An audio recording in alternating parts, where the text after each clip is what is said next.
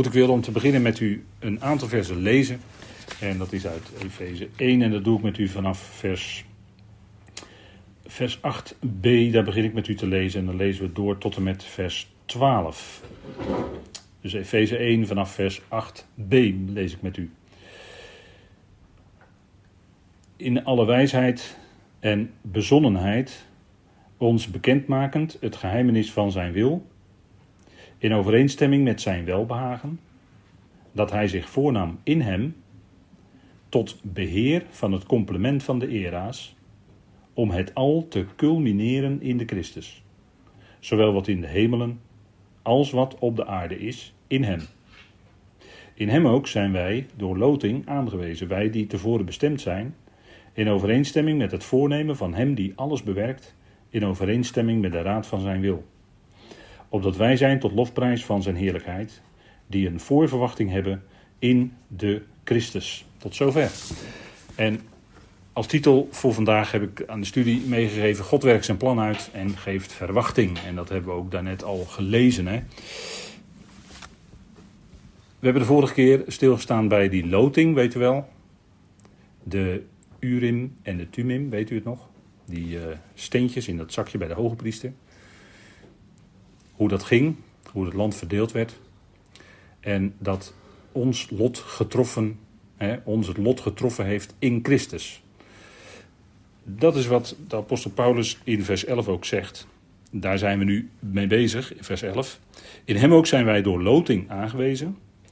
Wij die tevoren bestemd zijn in overeenstemming met het voornemen van hem. Wij zijn door loting aangewezen in Christus.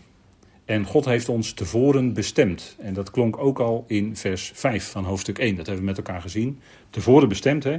de zogenaamde predestinatie. Het woord wil eigenlijk letterlijk vanuit het Grieks zeggen: tevoren doen zien. Daar zit ons woord horizon in. Hè? Als ik het in het Grieks uitspreek, dan hoort u ons woord horizon. Pro horizo. Dat is het woord wat er staat. En hij heeft ons dus tevoren al gezien in Christus. En we gaan vandaag ook, vandaag ook kijken hoe ver dat was in het verleden. Om het zo maar te zeggen, voor zover je ook van tijd nog dan kan spreken. Maar we zijn in hem door loting aangewezen. In wie? In Christus.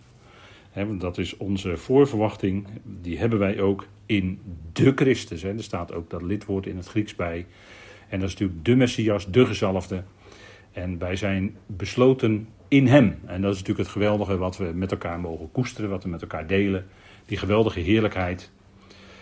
En dat is wat we vandaag gaan bekijken met elkaar. In onze loting, als we even scherp lezen in vers 11, dan zien we dat onze loting in Hem, in Christus, voortkomt uit het door God tevoren bestemd zijn. En let op dat woordje tevoren, dat is het woordje pro.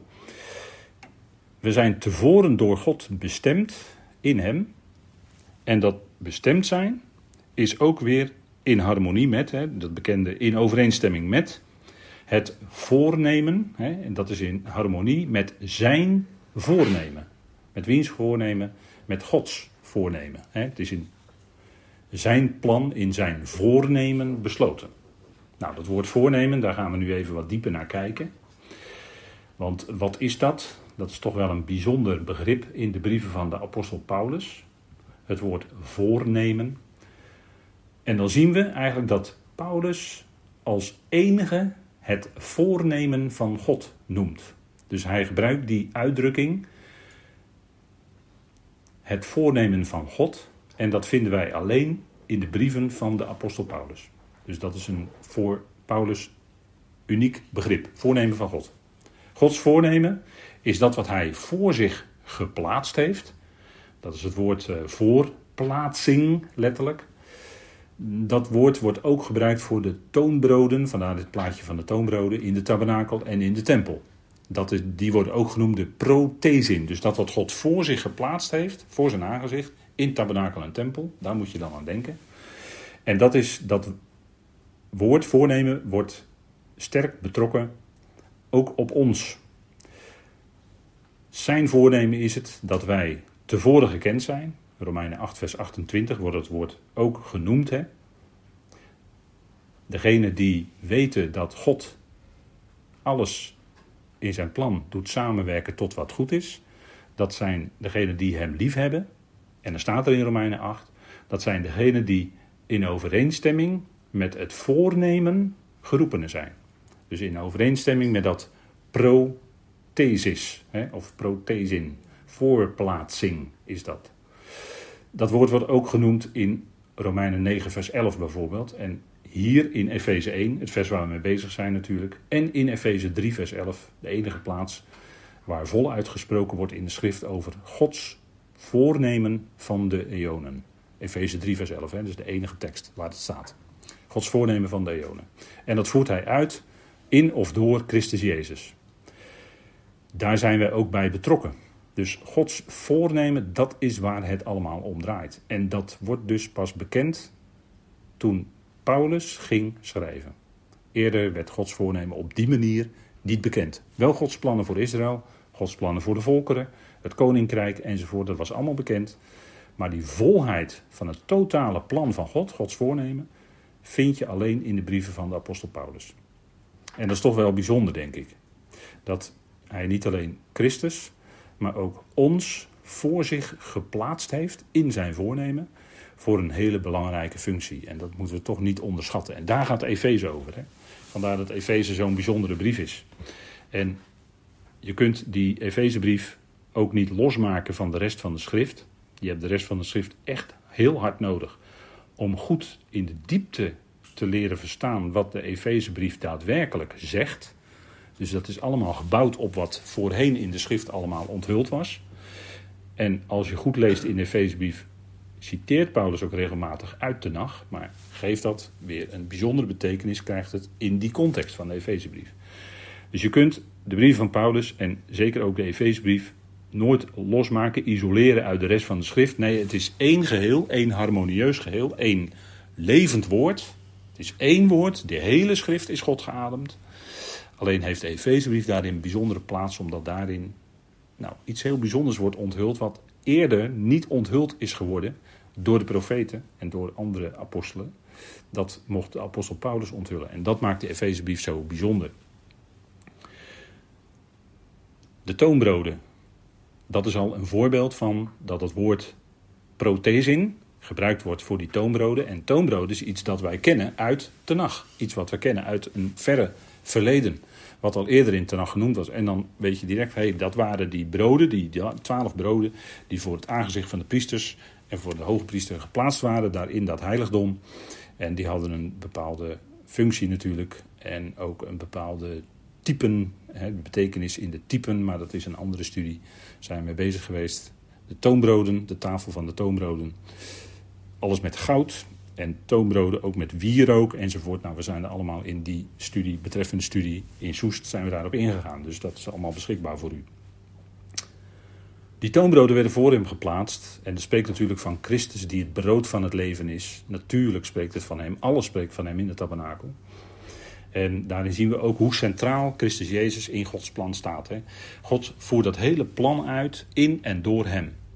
En nu hebben wij als leden van het lichaam van Christus, de naam zegt het al, hè, het lichaam van Christus, hebben wij dus een hele bijzondere plaats gekregen als leden om in dat plan mee te mogen werken.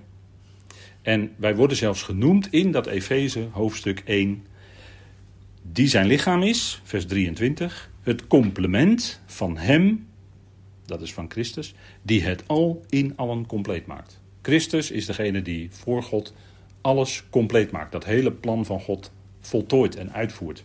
En wij zijn, worden zelfs genoemd als hele lichaam van Christus zijn complement.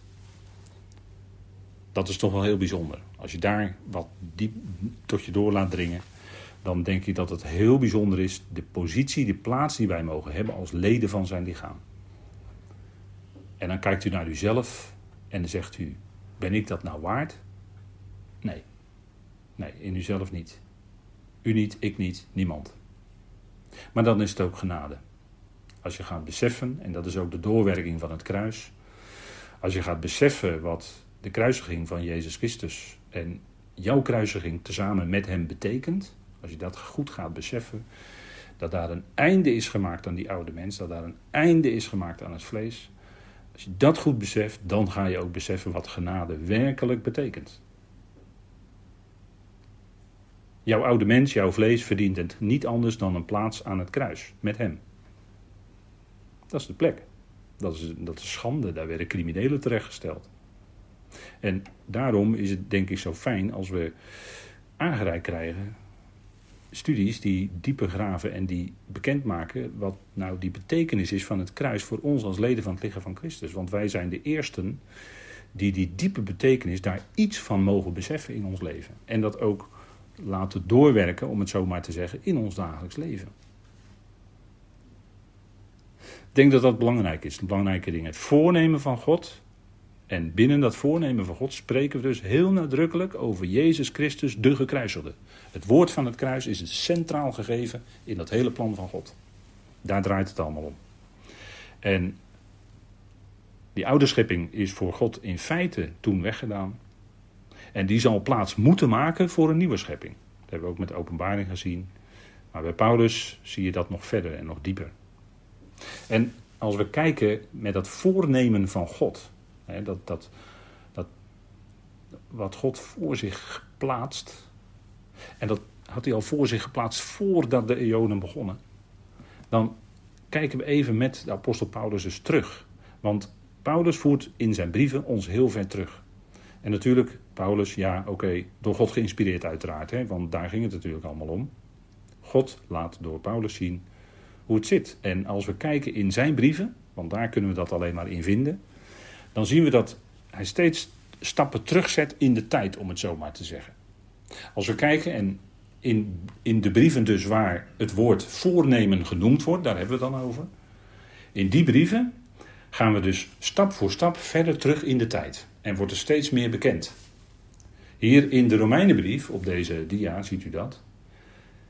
In de Romeinenbrief begint Paulus met dat Jezus Christus naar het vlees hè, uh, ge, uh, uit het zaad van David is. Hè, nakomeling is van David. Naar het vlees. Dan heeft hij alle troonsrechten. Hij is de zoon van David. Maar dan gaan we verder terug, dat is Romeinen 4, naar Abraham. Dat is nog veel verder terug in de tijd. En dan heeft hij de rechten in feite op die zegen. Hè, Abraham, in jou en in jouw zaad zullen alle geslachten van de aardbodem gezegend worden. En ten diepste is dat natuurlijk de Christus. De Messias, Jezus Christus, die zou komen. Hij is de zoon van Abraham en in die zin heeft hij in feite rechten op de hele wereld. De mensheid, gaan we nog verder terug. Romeinen 5 wordt Adam genoemd. Dat Adam een tegenbeeld is, een antitype van degene die zou komen. Hij is een voorbeeld van degene die komen zou. En daarmee zijn we terug tot in Genesis 1, vers 26 ongeveer, waar gesproken wordt over de schepping van de mens. Maar het gaat nog verder terug. Hè. Dit is tot aan de nederwerping, zou je kunnen zeggen. Tot aan de nederwerping van de wereld, die we tegenkwamen in Efeze 1, vers 4. En als je dan kijkt in een andere brief van Paulus, waar ook dat begrip voornemen genoemd wordt, gaan we nog verder terug in de tijd. En dat is voor de nederwerping van de wereld. En dan gaat het niet alleen om de mensheid, want bij Adam ben je bij de mensheid, dat is al heel veel. Maar het gaat nog verder. Gods voornemen strekt zich uit in Christus ook over de hemelsen. En dat was niet onthuld in Romeinen. Paulus gaat in de Efezebrief alles bekendmaken. Het blijkt dat het niet alleen gaat om de mensheid, om de mens, maar het gaat om ook de hemelse machten en krachten en, en alles wat daarbij hoort. Dus dan zijn we weer, dan wordt die kring, om het zo maar te zeggen, die cirkel wordt nog veel groter.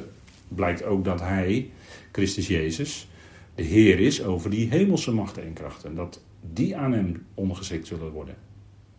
Dat onthulde de Efezebrief. En dat zei Paulus niet in Romeinen. Sprak hij niet over te midden van de hemelsen.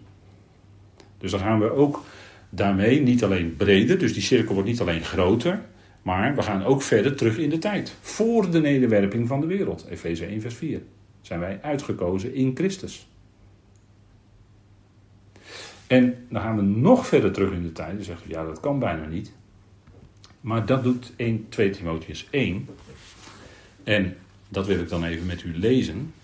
2 Timotheus 1. Want ook daar wordt dat woord voornemen genoemd.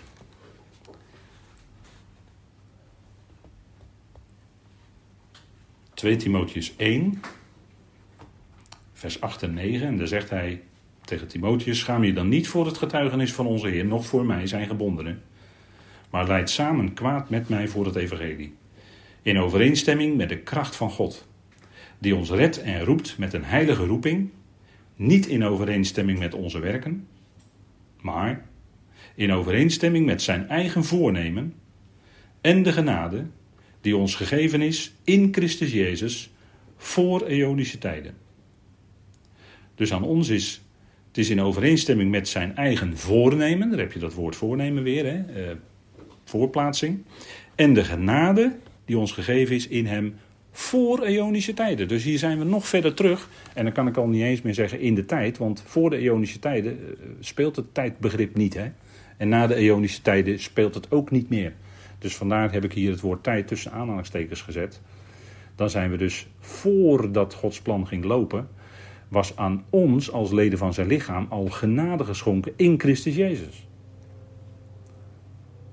En dan zegt u, ja, dat is ongelooflijk. Ja, dat is, dat is onvoorstelbaar. Hè? Dat kun je niet bedenken als mens. Dat kun, dat kun je niet bevatten. En toch zijn u, jij en ik daarin begrepen als leden van het lichaam van Christus. Als je dat bewust wordt. Genade aan ons gegeven in Christus. En eigenlijk is dat groter, hè? want in hem, zegt Paulus in Colossense, is het al geschapen. In hem en door hem en tot hem is het al geschapen. Door wie, tot wie? De zoon van zijn liefde. En daar zijn wij bij betrokken. En in en met hem is ons al genade geschonken dus voor eonische tijden. Dat is heel bijzonder. En nu zien we hoe ver Paulus teruggaat in de tijd. Zover als een andere schrijver in de schrift niet is gegaan. En Paulus laat ons ook zien wat voorbij de eonen zal zijn. Dan is er ook geen tijd meer. Maar dan is God alles in allen, met alles wat dat inhoudt. Dus dan gaan we buiten dat kader van het plan van eonen met elkaar spreken. En daar zijn, de teksten daarvan zijn niet zoveel. Maar toch geeft Paulus dat aan. Hè? En als we even denken aan bijvoorbeeld 1 Korinthe 2, vers 7.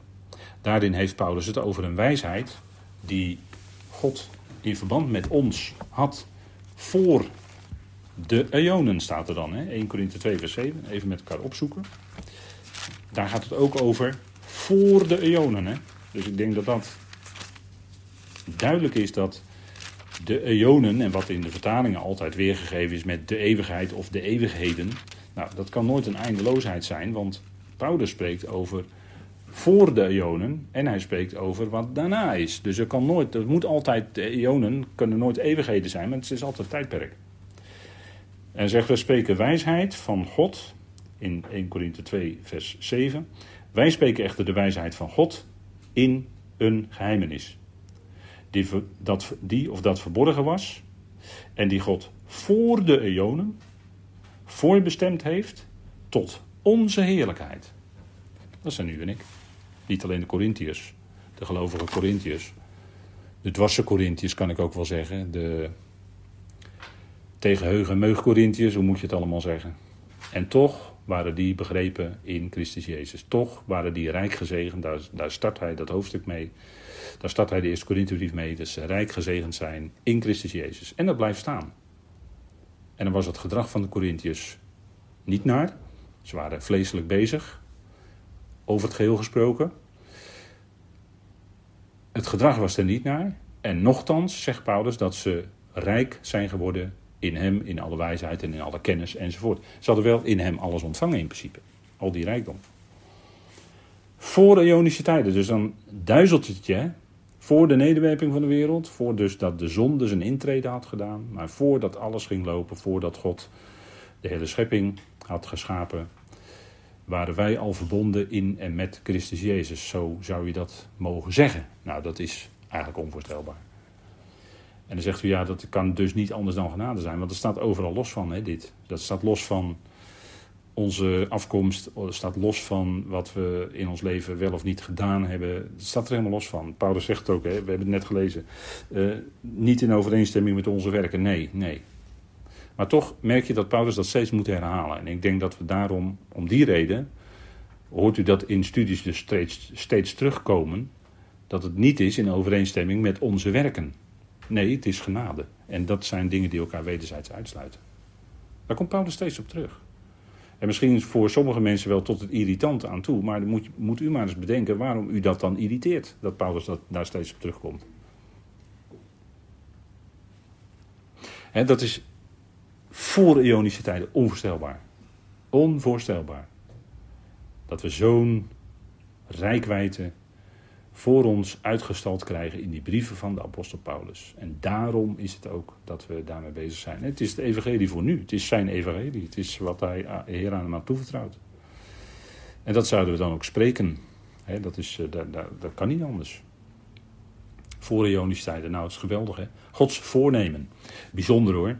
Kijk, dit voornemen, dat, dat, dat prothesin, dat voornemen is in harmonie staat er dan. Hè, is in overeenstemming met, en ik vertaal het dan even met in harmonie met, die het al bewerkt. En daar hebben mensen ook vaak moeite mee. Dat hij het is, hè, van hem, het voornemen van hem, dat is God, die alles bewerkt in overeenstemming met de raad van zijn wil. En als je iets ervan probeert duidelijk te maken aan mensen, dan beginnen hier vaak de problemen. Hè?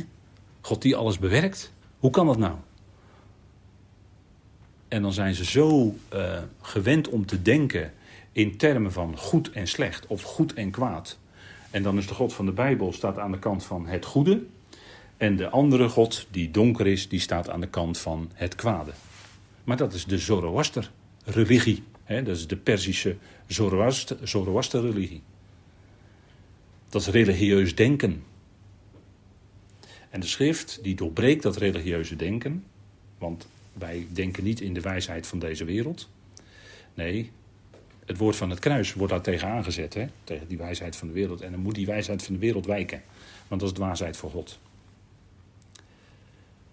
God is degene die het al bewerkt. En het kan best zijn in je leven dat het op een gegeven moment is gaan doorbreken. Net als die zonnestralen op dit plaatje. Doorbreken in deze lucht. Prachtig. Je ziet zo die stralen dan door die wolken heen komen. Licht. Geweldig.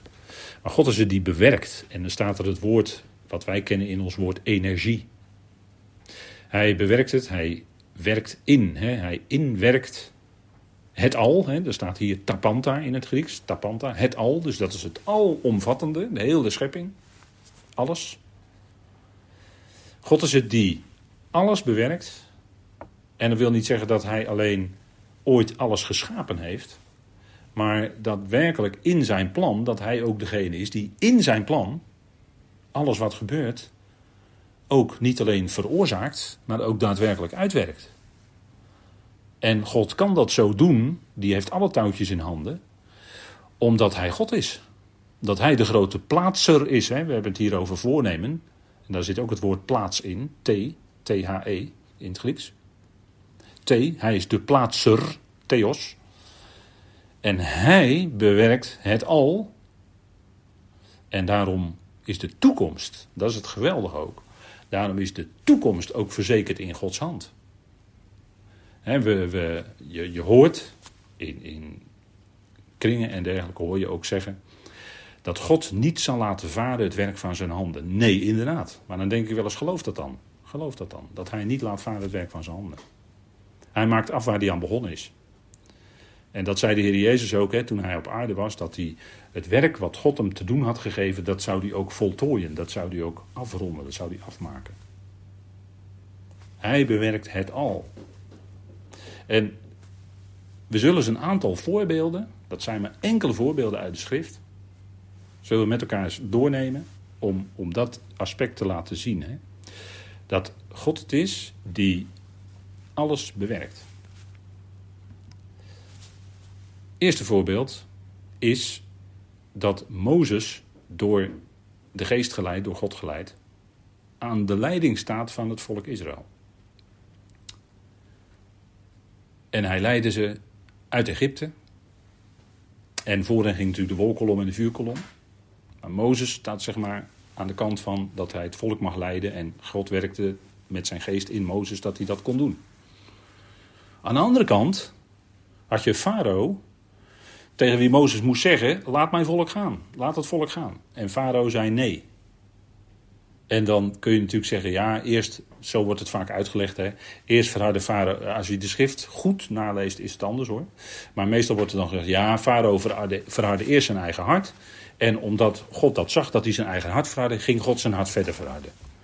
Nee, zo is het niet. Van tevoren werd al gezegd dat Yahweh het hart van de farao zou verharden. En dat is wat Paulus ook duidelijk maakt in Romeinen 9. Dat God het is die zich ontfermt over wie hij wil. En hij verhardt wie hij wil. Farao's hart werd door Yahweh verhard. Dat is wat aan de hand is. En God was het die Farao op die positie had laten komen. Hij had hem verwekt, hè, zegt uh, Exodus 9 en Romeinen 9. Hij had hem verwekt om op die plek te komen. En hij had aan Farao al die mogelijkheden gegeven, zodat hij op die plek als machtige Farao kon komen. En vervolgens gaat God ook het hart van de Farao verharden. En aan de andere kant heb je dus Mozes, heb je dus twee kanten. En beide kanten zijn volledig in Gods hand. Dus God heeft alle touwtjes in handen in dat hele gebeuren. Waartoe? Opdat zijn naam verheerlijk zou worden, zij met een hoofdletter. En opdat zijn naam doorverkondigd zou worden over heel de aarde. En dat gebeurt vandaag de dag nog steeds. Op de zederavond vragen de Joodse jongetjes eh, waarom ze dat eten. En dan kan uh, pa die kan vertellen over de uittocht. Dat God hen op een machtige manier had uitgeleid uit Egypte. Dus twee kanten. Hij ontfermt zich over wie hij wil en hij verhardt wie hij wil. En dat verharden is tijdelijk. En uiteindelijk zal God zich, en dat is dan het einde van hè, Romein 11, zal God zich over allen barmhartig zijn. Zal hij zich over allen ontfermen, hè, hoe, hoe je het ook maar zeggen wil. Dus God heeft die twee kanten in, in zijn hand. Dat hele gebeuren met de farao en Israël uit Egypte enzovoort is volledig in de hand van God. En dat is niet alleen zo met die grote gebeurtenissen in de geschiedenis hoor. Maar dat gaat ook op, op, op, eh, op kleiner niveau. Hoor. Niet alleen op dit macroniveau, om het zo maar te zeggen, maar ook op microniveau gaat het ook op. Tweede voorbeeld, en dat is misschien voor u wat minder bekend. Toen Israël uit Egypte was, toen waren ze 40 jaar lang door de woestijn getrokken.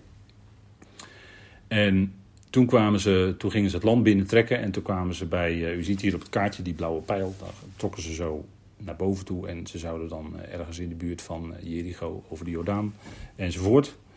En dan komen ze ook in, in het land Moab terecht en daar is Sihon, dat is een machtige koning van de Amorieten. U kunt het nalezen in, in nummer 21. En, die, uh, en ze zeggen tegen uh, Sion van, uh, joh, laat ons, laat ons doortrekken en we zullen verder van je land enzovoort en van je goederen, dus daar zullen we niks mee doen, we trekken alleen, willen alleen maar door je land heen trekken. En die Sion, die, is, die, die koning van de Amorieten, die is koppig, die zegt nee, ik, ik, jullie mogen niet door mijn land trekken. En dat leidde ertoe dat die koning vernietigend verslagen werd en dat Israël dat hele, hele stuk land in bezit nam en dat ze de boel zich mochten toe-eigenen. Dat was het gevolg daarvan. En dan zeg je, ja, maar Sion kon toch weten dat, dat uh, destijds Israël uh, door de machtige hand uit Egypte en die farao enzovoort, kon hij toch weten, waarom liet hij ze niet gaan? Waarom liet hij ze gewoon niet doortrekken? Want hij weet met, met uh, hij kon weten met welke God Israël optrok. Maar dan krijgen we het commentaar wat, wat Mozes dan geeft in Deuteronomium, vlak voordat hij sterft. En dan kijkt hij terug op die geschiedenis. En dan zien we eigenlijk het goddelijke commentaar op dat hele gebeuren in, uit nummer 21. En er staat, en dat lees ik even met u, eh, Deuteronomium 2, vers 30. Maar Sion, de koning van Gesbon, wilde ons niet door zijn land laten trekken. De Heere jullie God, Yahweh jullie Elohim, verhardde namelijk zijn geest en verstokte zijn hart. Om hem in uw hand te geven, zoals het op deze dag is. Dus God was het, hè, Elohim was het, die die geest van die koning beïnvloedde. En dus die gedachten ook beïnvloedde. Waardoor die koning koppig was en verstokt. En uh, hoe je het ook allemaal maar noemen wil. Stuurs, uh, tegendraads. Uh, hij wilde ze niet laten doortrekken. En ten diepste was God er dus. Die dat in die koning bewerkte. waardoor Israël niet kon doortrekken en waardoor ze dat land veroverden. Ziet u dat hier ook in deze geschiedenis, met deze, want die Amorieten, die Amoritische koningen, uh, daar moet u niet kinderachtig over denken hoor. Dat waren grote machthebbers in die tijd. Die kwamen helemaal uit, vanuit het oosten, ook vanuit eh, de omgeving van Babel enzovoort, hè, de Amorieten. Dat uh, heeft waarschijnlijk te maken met het Hebreeuwse woord voor praten. Hè, dat zijn de praters. Maar dat waren machtige koningen in die tijd. En uh, daar, daar wordt ook mee verbonden, althans in de vertalingen, en daar loop je weer hopeloos dan tegenaan. Dat waren de zogenaamde Rephaim, hè, de, de machtigen. En er wordt altijd van gemaakt reuzen. En dan krijg je een heel, hele geschiedenis over dat er grote reuzen waren. Mensen van wel drie of vier meter. En dat had allerlei achtergronden. Goed, Rephaim waren het. En of het nou echt zo van die grote reuzen waren met al die verhalen erachter van de zonen gods enzovoort. Ik heb daar heel sterke twijfels over of dat echt zo was. Rephaim betekent waarschijnlijk iets anders. Maar goed. Sigon was een machtige koning, Amoritische koning. En God beïnvloedde dus zijn geest, verhardde zijn geest. er staat, maakte zijn geest koppig, zo zou je dat Hebreeuws woord misschien mogen vertalen. En zijn hart resoluut of vastberaden, dat is dan weer een ander Hebreeuws woord, maar goed, dat betekent waarschijnlijk dat. Dus hij liet dat volk niet doortrekken. En waar kwam die koppigheid, waar kwam die weerspannigheid nou vandaan? Nou, God had in zijn geest, in zijn hart gewerkt. En u ziet ook hier dus dat God allebei de kanten volledig in zijn hand heeft. Hij gaf het volk Israël kracht en macht, zodat ze die koning in hun handen viel. Want dat wordt natuurlijk ook steeds gezegd. Dat, eh, dat ze steeds eh, die volkeren in bezit kregen eh, door de hand van de Heer. Bijvoorbeeld Deuteronomium 2 vers 33 zegt Mozes dat.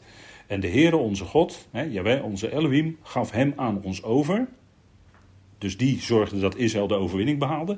En wij versloegen hem, zijn zonen en heel zijn volk. Dat was niet omdat Israël zo sterk was, maar dat was omdat God die koning en zijn uh, legermachten in de handen van Israël overgaf. Dus het was ten diepste niet hun eigen werk, maar het was God die hen de overwinning gaf. En u kent natuurlijk ook wel die bekende strijd hè, in eh, Exodus, uh, waar is het? Exodus 7 geloof ik, of uh, 17, met de Amalekieten, weet u wel? dat Aaron, Hur en Jozua, die staan er op die, op die hoogte.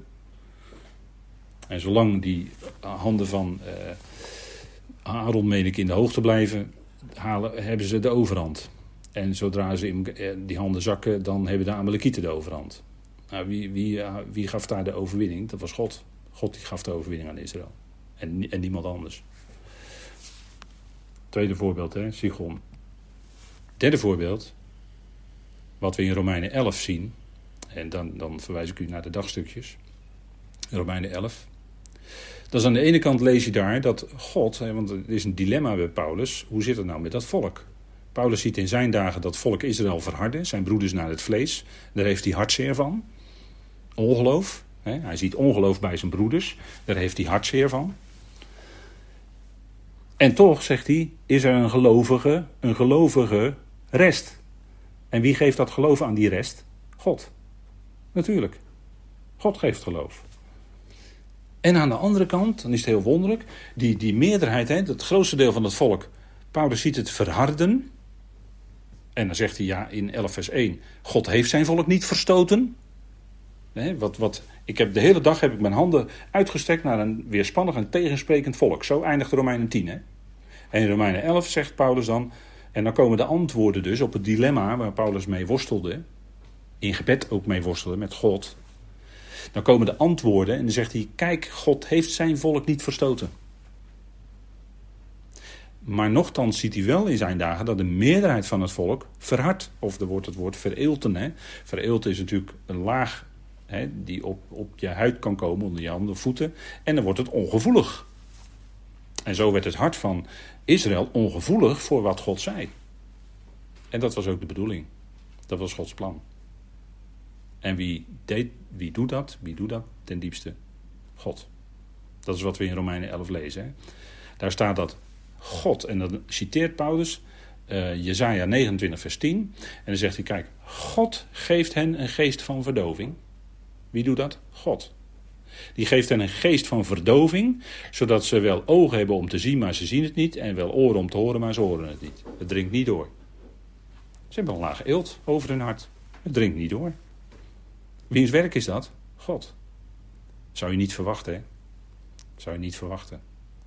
Maar ook daar zien we dus dat zowel bij dat geloof, die gelovige rest van Israël als dat overgrote deel van Israël wat zich verhardde voor die boodschap.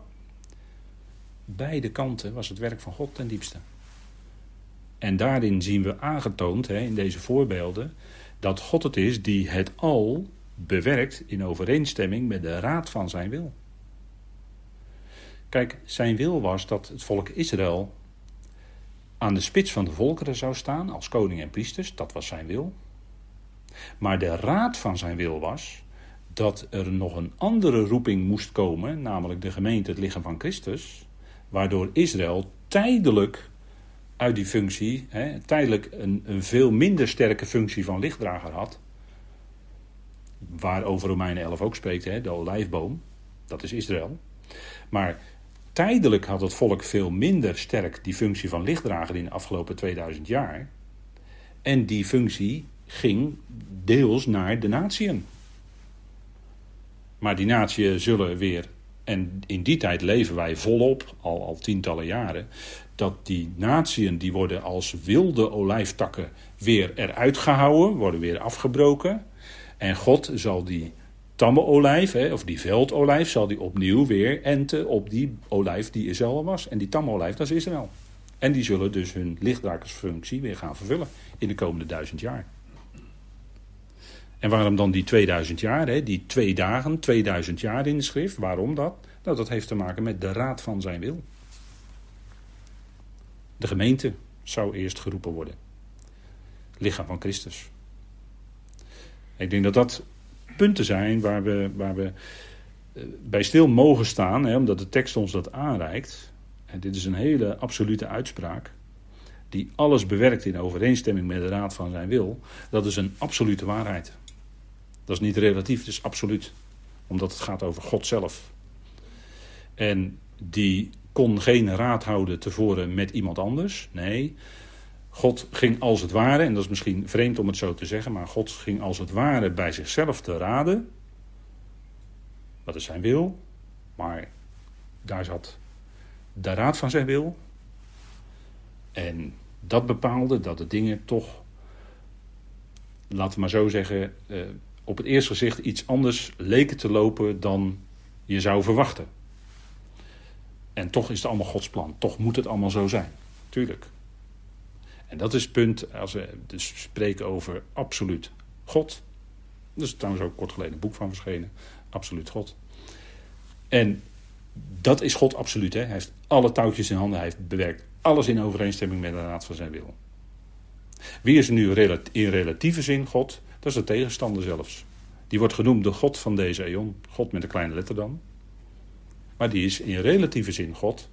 Want die heeft ook een bepaald gebied waar die tegenwerker, als, als was hij een plaatser, kan optreden. De God van deze eon. En zo is het ook met de zoon zelf. De zoon zelf, die wordt bij gelegenheid ook God genoemd. Dus ook plaatser. Maar dat is ook relatief, dat is ook niet absoluut. Dus in die zin, maar hier gaat het om degene die alles bewerkt, die alle touwtjes in handen heeft, die zowel het goede als het kwade tevoorschijn roept, die zelfs het kwade schept, volgens Jesaja 45. Hij bewerkt het goede en het kwade, hij schept zelfs het kwade. Omdat God alleen in staat is uit dat kwade uiteindelijk het goede voor te brengen. Wij mensen niet, wij kunnen dat niet. God wel. En daarom kan God toch genoemd worden degene die het kwade schept. En dan voegt hij er nog aan toe in Jezaja 45 vers 7. Ik, Jaweh, doe al deze dingen. Wordt nog een keer onderstreept. Hè? Dat zijn de diepere dingen van God. En daar loop je dus tegenaan. Hè? Mensen willen daar niet aan. Mensen willen dat niet geloven. Die kunnen niet geloven wat hier staat. Dat hij alles bewerkt in overeenstemming met de raad van zijn wil. Kunnen het niet geloven. Dus dan loop je wel eens uh, bij mensen heel hard tegen een stuk ongeloof aan. Dat kan. Ook gelovigen, die echt gelovig zijn. Maar als je dan die schriften voorhoudt, dan geven ze niet thuis. En dat heeft dan te maken met waarschijnlijk een stuk traditie die dwars zit, of ongeloof op een andere manier veroorzaakt, hoe dan ook. Of misschien moeilijke dingen in het persoonlijk leven of in de familie meegemaakt. Dat kan allemaal. Dat kan een verhindering zijn. Dat je niet het zicht kan hebben. En ook dat is in Gods plan.